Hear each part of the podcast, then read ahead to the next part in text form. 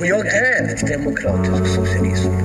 Med stolthet och med glädje. Kvar min grundtro på att det går att påverka samhället, det går att påverka utvecklingen. Medborgarnas krav kan tillgodoses endast av det starka samhället. Hej Björn Wiechel och välkommen till Riksdagspodden. Hej och tack så mycket. Jättekul att du kunde vara med Ja. här.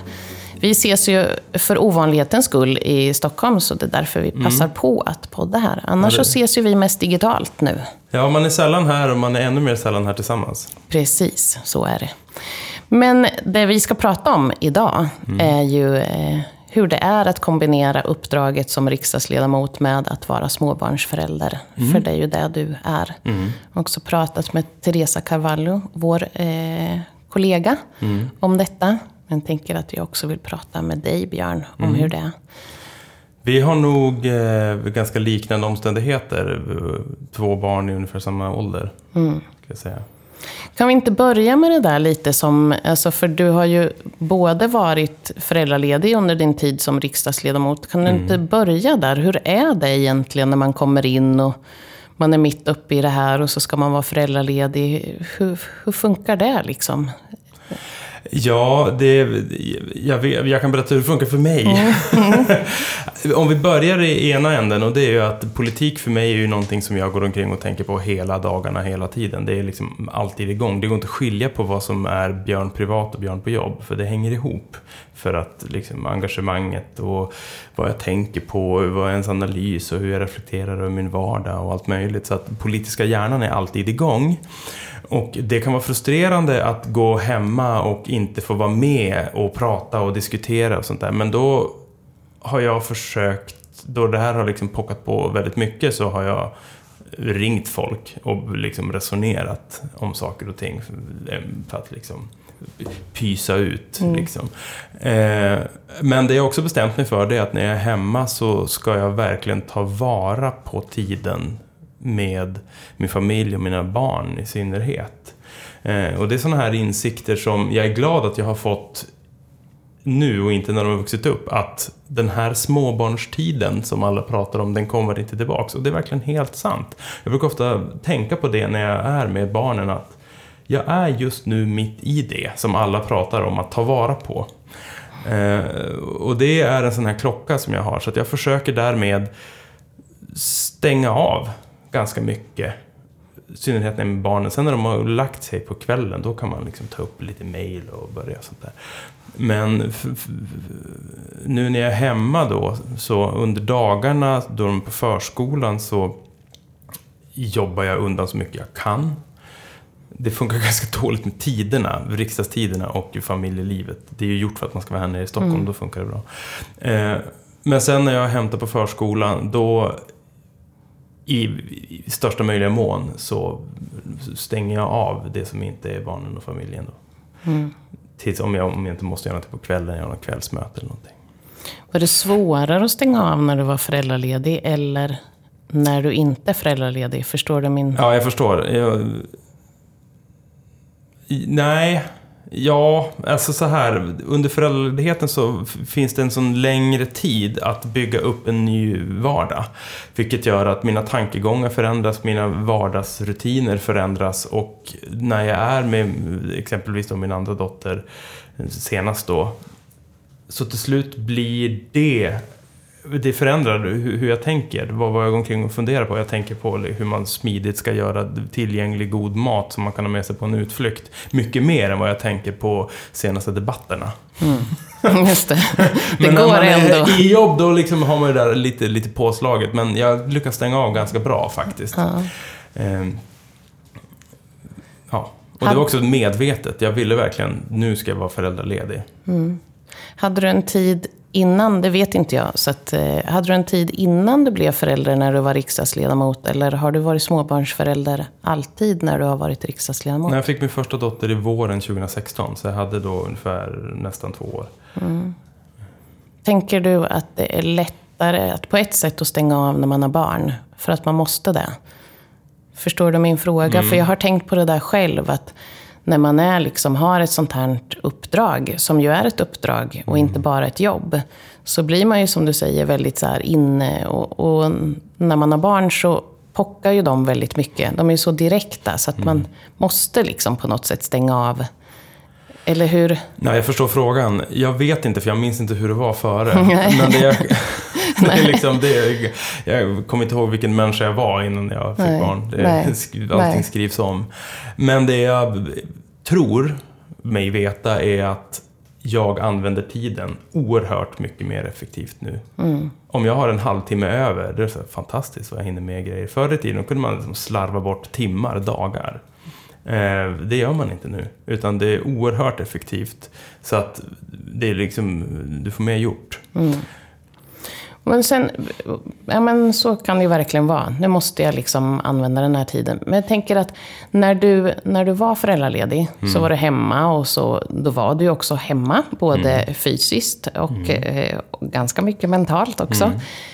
När den här omsvängningen liksom sker, när du går tillbaka till att vara riksdagsledamot, så blir ju skillnaden ganska stor. För då är du ju heller inte hemma på plats alltid varje dag.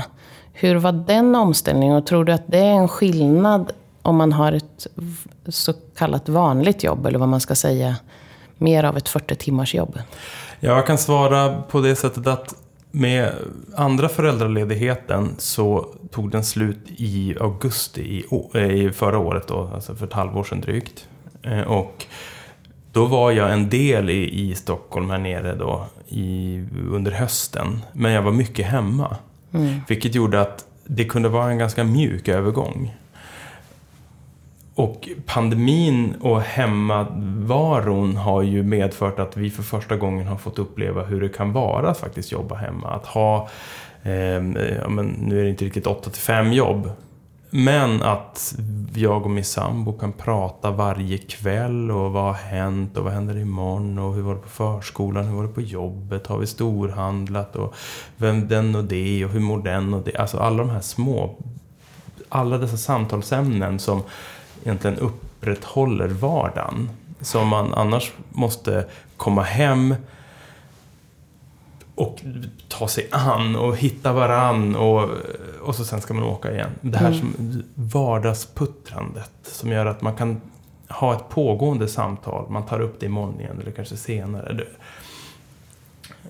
Och att kunna ja, men få helt andra rutiner och vara hemma med barnen och den närvaron. Det, det har faktiskt pandemin visat och det känner jag så här, ja, det är inte så dumt att ha ett vanligt familjeliv. Nej, nej. Det är Nej. liksom bra för alla. Ja, för det är ju ändå ganska mycket, i normaltider säger vi, in, utanför corona nu, liksom i, i, när det är lite mer vanligt. Då är ju du hemifrån Mm. Umeå ganska många dagar i sträck. Ja, förutom att det är då tisdag till torsdag vanligtvis här nere i Stockholm så är det ju också kvällsmöten då man flänger runt i länet.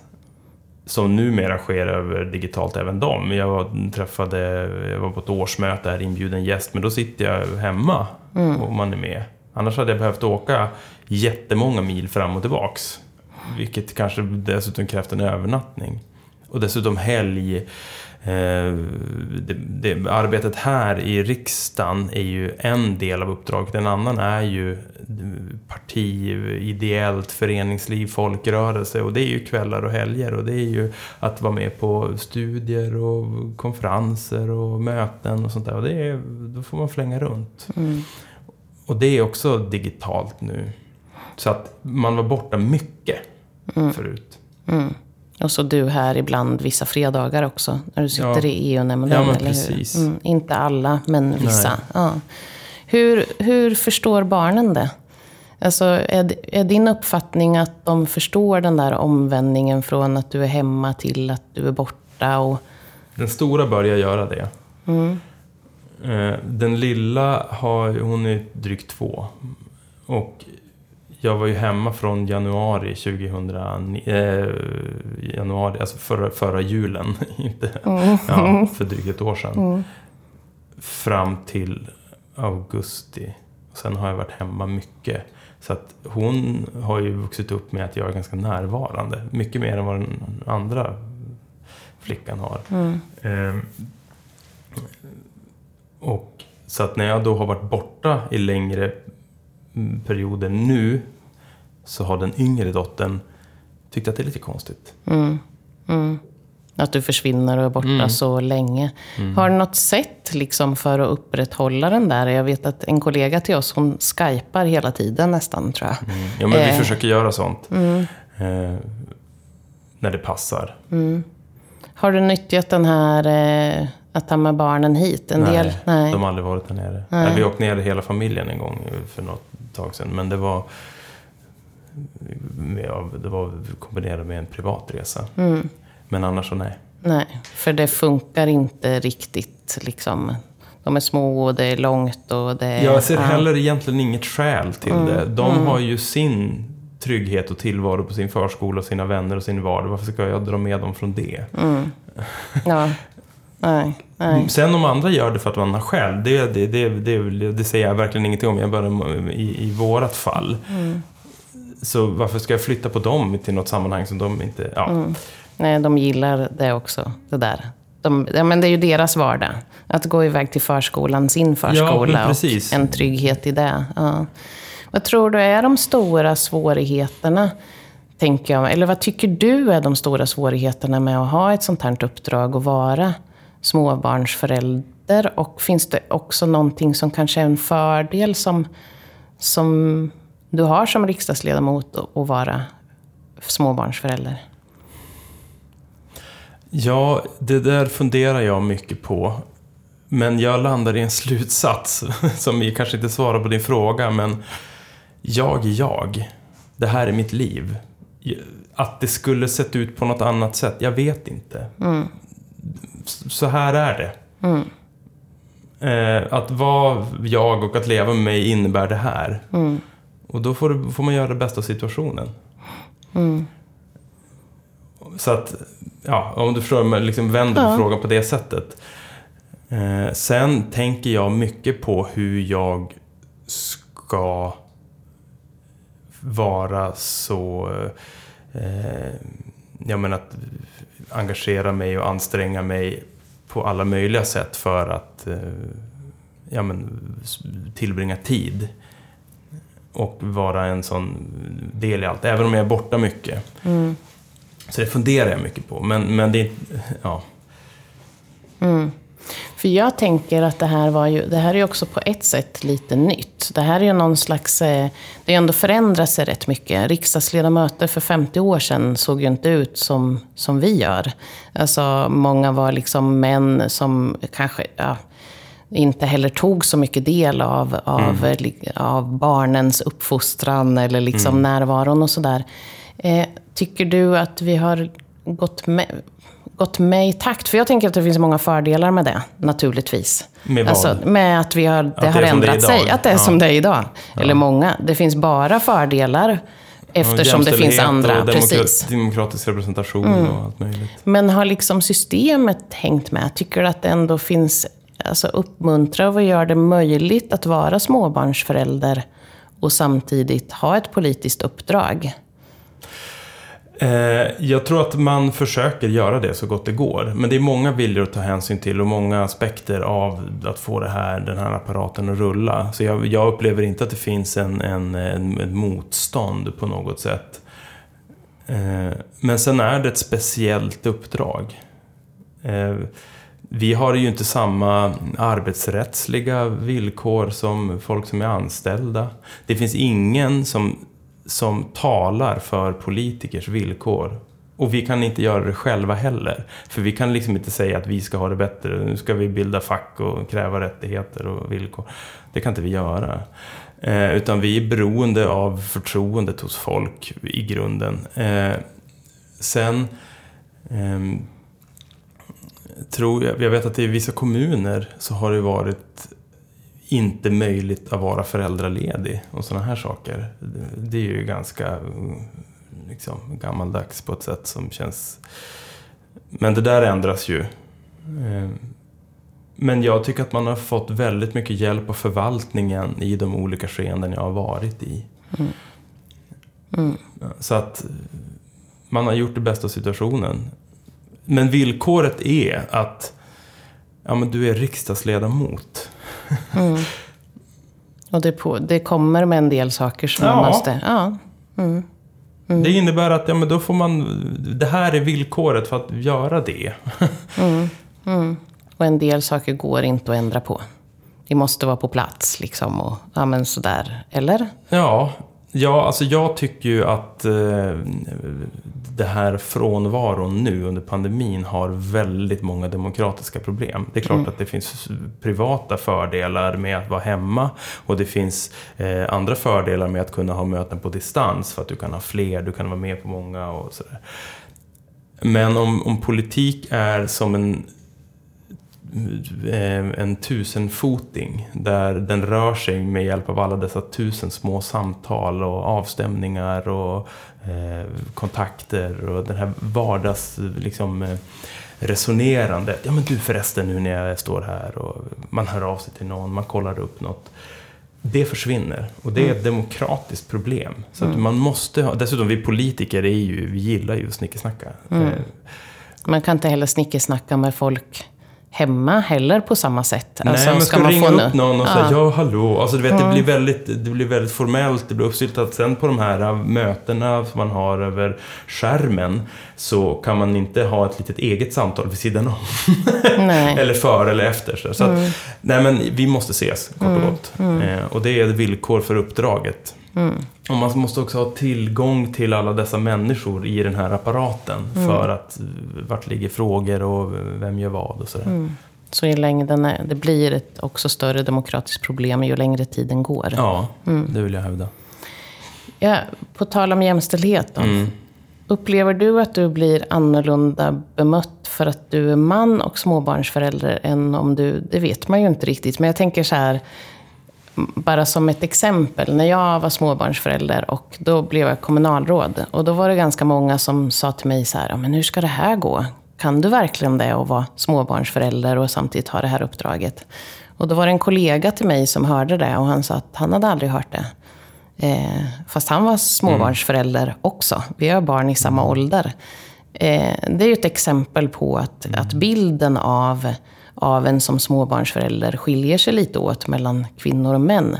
Är det så fortfarande? Upplever du att det blir ett annat sätt att förhålla, att andra förhåller sig till dig på ett annat sätt? Jag utgår ifrån att det är så, för så ser samhället ut. Jag kan inte säga att hade det varit si så hade jag blivit behandlad så, för det, det går ju inte att säga. Men eh, jag har inte upplevt ett ifrågasättande eh, och jag har heller inte upplevt ett särskilt, vad ska jag säga, no, wow, inget sånt heller. Men det är rimligt att anta att förväntningarna på vad man ska åstadkomma, vad man ska göra som pappa är andra än vad det är som en mamma. Det finns en, det är ett väldigt tydligt bevis för det är ju hur mammor pratar med varandra om de krav och förväntningar som de upplever finns. Även om de inte alltid är uttalade. Och vad de själva känner att de borde leva upp till. Än vad män och pappor gör. Då är det liksom inte alls. Och om man då lyckas hindra barnet från att gråta för att man för en gång skulle lite förutseende får i det lite käk i tid. Då är det någonting positivt. Snarare än att i andra fall hade det varit så här, men nu har du missat att. Ja, det, liksom en sån genusaspekt. Men det, och det finns ju närvarande, så att det är, ju- är ju rimligt att anta att det finns i allt. Eh, och jag tror att en del av jämställdhetsarbetet är att som man och som pappa reflektera över det, vara medveten om det. Vara självkritisk och fundera på vad gör jag? Mm. Man kanske blir duktigare när man gör saker om man är pappa. Eller så. Vad bra att du gjorde det. Är det det du... Ja, alltså om s- saker och ting som mammor gör av bara farten blir, får män en massa bekräftelse för. Och eh, det är väl lägre förväntningar, skulle jag säga. Men det där är ju generellt. Men i och med att det är så, så tror jag att det finns den typen av aspekter i, i, liksom, i fler, eh, på fler sätt vad gäller eh, att vara pappa och vara mamma. Även för mig då. Jag utgår ifrån det. Ja. Även om du inte riktigt kommer ihåg hur det var eh, innan du var småbarnsförälder. Tror du ändå att det har förändrat dig som, Alltså det förändrar ju en som person när man går i, alltså oavsett vad som händer i livet och att få barn är ju en stor, eh, stor förändring i livet. Men tror du att det har förändrat dig som politiker på något sätt? Ja. På vilket, har du något? Ja, det är svårt att veta exakt vad som är, men om jag jämför mig från tidigare och nu och när jag tänker på mig som pappa så är det att jag blir mer operativ. det, nu, ska, nu är det lite mer chop, chop, chop, nu ska mm. vi göra den. Eh, man har mycket mindre tid för sig själv och sina egna, eh, sin egen fåfänga. Du måste liksom eh, se andras behov och andras viljor och du lär dig att se andras behov och viljor. Och då får man helt plötsligt ögonen, man får upp ögonen för, för ja, men andra sammanhang och sig själv i de sammanhangen på ett nytt sätt. Som jag tror är bra för att ta rimlig plats ställa, göra vettiga analyser och bedömningar av situationer där man inte alltid utgår från sig själv. Sådana. Mm, mm. Eh, ja. För lite är det väl så, för vi pratar ju mycket om att vi ska vara ja, men, Ja, vi representerar ett län, vi har liksom olika mm. bilder av, och det, det, är ju viktigt för att man har olika perspektiv på saker. Mm. Vi ska ha olika åldrar och vi är sådär. Det måste ju ändå tyda på något. Och jag tänker, det här är en retorisk fråga. Tror du att våra egna upplevelser, inte bara som förälder och sådär, om man har varit med om en sjukdom, eller så här, spelar det stor roll i en sätt att liksom se på frågor eller agera annorlunda i politik? Jag vet inte i vilken grad det är avgörande, det kan jag inte Nej. säga. Jag tror inte att det, jag skulle nog inte ha landat så olika i olika politiska liksom, eh, positioner. Beroende på, nu har jag fått barn, nu tycker jag så här om den här frågan. Mm. Inte särskilt mycket det. Däremot mitt sätt att vara. Just på. det. Mm. Och det påverkar också hur jag är som politiker. Mm. Jag får en helt annan förståelse för andra människors förutsättningar i, i sin tillvaro. Mm.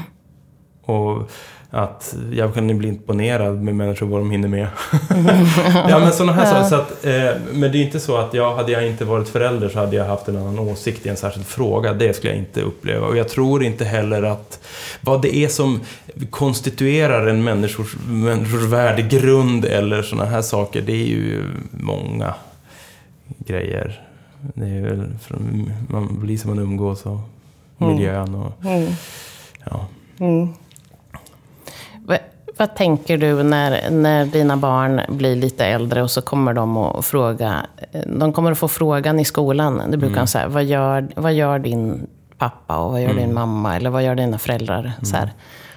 Vad tror du, vad kommer de att svara? Börjar din äldsta dotter att förstå vad det är du gör? Eller? Nej, det skulle jag inte säga att hon gör. Nej. Hon fyller snart fem. Men nej, jag skulle inte säga att hon förstår vad jag gör. Nej. Så det, det är... Jag ska säga att det är ett ganska stort krav att ställa på femåringar. Ja. Om jag pratar med mina grannar vet de heller knappt vad jag Nej. gör. Om jag ska välja. Nej, det har du helt rätt i. Så det här är en helt hypotetisk fråga. Tror du att, men pratar ni mycket om det? Tror du att hon kommer att ha liksom förståelse? Jag tänker att även om hon nu inte, du pratar inte med henne direkt och hon frågar inte så här, är det liksom politik och allt det där, är det en levande liksom diskussion hemma eller är det någonting som hon Ja, jag förstår frågan. Jag vet inte, men jag föreställer mig och jag nästan utgår ifrån att mina barn kommer bli politiskt informerade och bevandrade ganska tidigt. Och det har att göra med att vi, även min sambo är ju förstås väldigt engagerad och intresserad. Vi diskuterar samhällsfrågor och alla aspekter av vår tillvaro har politisk dimension. Och det är sånt vi pratar om. Mm. eh, vad vi äter, vad vi, hur det ser ut hemma, hur vi delar på arbetet, vad vi väljer för semester, vad vi tycker att familjen har för roll. Vad, alltså allt möjligt. Allting har det, det, det värderingar. Och jag skulle säga att båda mina barn lär sig att argumentera och föra resonemang och tränas i det för att det är så vi gör och jag kan redan se hur, hur snabbt eh, liksom, den här muntliga framställan av sin sak utvecklas. Eh, så att, men det är inte så att vi pratar partipolitik. Det är inte så att egentligen eh, någon av oss kommer från ett liksom, partihem på något sånt där sätt. Så att, men, men diskussioner finns. Var det, det var, så för dig var inte det en särskild enskild politisk fråga som gjorde att du blev politiskt aktiv? Nej. Utan det var ett politiskt tänkande mer, eller intresse, eller? Ja, vi diskuterade väldigt mycket hemma. Mina föräldrar, de är journalister, var då, nu är ingen det längre, men de var det då. Och, ja, men man pratade om samhällsfrågor och Eh, jag började bry mig, jag började prata med mina kompisar i skolan om allt, liksom oerhörda pretensioner hade jag i mina samtal. Men jag förstod jag inte att det var. Eh, och de var ganska ointresserade. Jag tyckte liksom att, vadå? Eh, och då sökte jag andra sammanhang för det. Och sen började jag, när jag träffade vänner som också tyckte att det var intressant med samhällsanalys och ja, men någonstans mötet mellan hur är vi som människor och hur ska samhället fungera för att vara rättvist och bra. Ehm, då tyckte jag att det var väldigt spännande människor att prata med, så jag drogs till sådana sammanhang och sådär. Och då blev jag liksom politiserad och då politiseras ens tillvaro och man ser allting utifrån olika ideologiska, analytiska, kritiska eh, ögon ska jag säga. Men det var inte förrän jag egentligen efter gymnasiet som jag blev eh, liksom väldigt fast i socialdemokratin. Men då insåg jag att den är bäst. Eller minst dålig och både och. Men både bäst och minst dålig. Ja, precis. Ja. Ja, ja. Eh, ja. Tänker du när du är här, eh, de här veckorna, liksom, när du är i Stockholm, som ju på många sätt skiljer sig ändå från det liv du har hemma, även om du är politiker och riksdagsledamot, även när du är i Umeå. Går du omkring och identifierar dig som småbarnsförälder? Ja, det gör jag. Det är en stor del av vad jag är. Så även när de inte är här så är du Finns en... med mig hela tiden. Ja, ja. Och jag tänker att eh, vad ska jag bygga för värld åt mina barn? Det finns som en dimension. Eh, sen när jag går omkring och liksom funderar på ja, men det här skulle vara gott att äta eller den platsen skulle jag vilja se. Då tänker jag in mina barn och min familj. Det här ska vi göra tillsammans. Och det här, ehm, jag är väl sämre på att tänka "Åh, oj, de behöver nya galonbyxor, det ska jag springa iväg nu och köpa. Men, jag, men de finns med på andra sätt. eh, I att jag eh, liksom bygger bilder över min tillvaro hela tiden där, utifrån det. Hur väl eh, medvetna är de på förskolan? De ringer inte till dig om det är så att det saknas något, eller hur, hur funkar Jo, det skulle jag faktiskt... Eller ja, alltså det beror på vem som, vem som är där den veckan och vem som har lämnat. vem man har haft kommunikationen med. Men jag skulle säga att min sambo tar större ansvar än jag. För hon lämnar också och hämtar oftare. Också med dem när du, in, när du är här, tänker jag, så är det ju inte möjligt. heller. Ja, men plus att hon tar ett mycket större ansvar för barnens, eh, liksom, runt omkring dem. Det gör hon. Där är vi liksom inte jämställda när det gäller den saken. Men så du är mentalt närvarande med det, med det som händer med dina barn. Och du kan inte vara praktiskt närvarande. Men det finns också en, en viss skillnad som inte har med uppdraget att göra. Jag vet inte om jag förstod det. Jag tänker så här, du mentalt, du säger så här, du är småbarnsförälder hela tiden. Så du tänker på barnen och deras utveckling Alltså, det är och min identitet Ja, det är din jag på identitet. Ja, precis. Men du kan inte vara lika praktiskt närvarande, Nej. för du är inte hemma. Men det finns också en annan del av att vara liksom förälder som ju går utanför riksdagsledamot. Du sa det så här, men jag kanske inte hade, du kanske inte hade tagit alla de här. Man är ju olika som föräldrar och vad man tar ansvar för. Mm. Och det har egentligen inte med uppdraget som riksdagsledamot att göra. Nej, så att även hemma så har vi vi har gjort en sån här mätning, så här, hur jämställda är ni? Så får man svara på jättemånga frågor. Jag tror vi kom fram till 60-40. Ja. Eh, så att vi, vi eh, ja. Och då är det så här, vem, vem, ja, men så här, vem har skafferiet i skallen och vem tar ansvar för det och det, det, det, det som har att göra med familjelivet. Så att det ser ganska traditionellt ut sådär. Eh, så att det finns också en hem, hemmavid uppdelning. Eh, och en arbetsdelning som jag tror båda... I viss mån är det lustdrivet, i viss mån är det också att eh, vi tar olika mycket ansvar. Skulle jag säga. Men det jag också tänker, det här är väl också en del av manligt kvinnligt, eh, brukar min sambo säga att hon och hennes väninnor brukar hon prata om, de har liksom jättemånga tankar och trådar igång hela tiden. Jag har liksom en i taget. Om vi säger så här, nu drar vi ut den här lådan och så tänker jag på den saken. Så måste jag stänga den lådan, så måste jag dra ut en ny. Medan hon går omkring och så här, brrr, liksom. Det ligger säkert någonting i det. Eh, så att när jag är här, då är jag extremt närvarande. Men så försöker jag stänga av det så mycket jag kan när jag kommer hem. För att vara närvarande. Och då bryr jag mig mycket mindre om, om jag inte måste. Liksom, telefon och mail och sådär. Under tiden jag ska ge barnen uppmärksamhet, eller min sambo. Eh, Det är klart att på, som sagt på kvällarna så kan man göra, men, men jag försöker att inte, ja men om man är i någon park, så sitter jag någonstans och fipplar med telefonen. Det vill jag inte, alltså jag försöker vara extremt närvarande. Och när jag kommer hem då är det så här, okej vad ska jag göra nu? Vad är det för liksom, hemarbete? Vad det, då byter jag låda. Men när jag är här, då, då känner jag att det måste jag också tillåta mig själv att vara så, så mycket jag kan närvarande. För att jag måste liksom beta av min att göra-lista. Jag måste utveckla mitt arbete. Och det kräver en närvaro och ett engagemang också.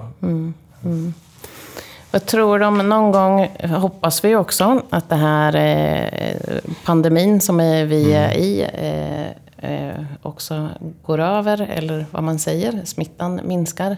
Och vi går tillbaka till lite mer vanligt. Tror du att det kommer att påverka, hur mycket kommer det att påverka? För du var inne på att din yngsta har inte riktigt, hon har inte sett dig fara iväg Nej. varje vecka typ. Är du mentalt, är du mentalt förberedd på det? Eller? Nej, inte helt. Jag är Nej. lite orolig för det. Jag är generellt lite orolig för anknytningen till mina barn. Känns det också, för jag tänker också att det alltid, man skojar väl om det, att samtidigt som ens barn föds så, så eh, föds också den starka kärleken. Men det finns alltid liksom ett mått av, av inte skuld, men att man kanske inte räcker till för sina barn. Men den finns ju hos alla. Eller? Tror du? Ja, det, det tror jag väl. Sen finns det väl en annan slarvpelle som inte haft den kraften särskilt liksom väldigt dragande. Eh, men personligen så tänker jag mycket på det. Jag försöker se det som att ja, men jag måste ha min relation till mina barn. De måste lära känna vem jag är. Vi måste skapa vårat. Jag kan inte vara på ett annat sätt. Men när jag väl är hemma, när jag väl är med dem så ska det vara genuint närvarande, engagerat, kärleksfullt. Så att den tid vi har är bra.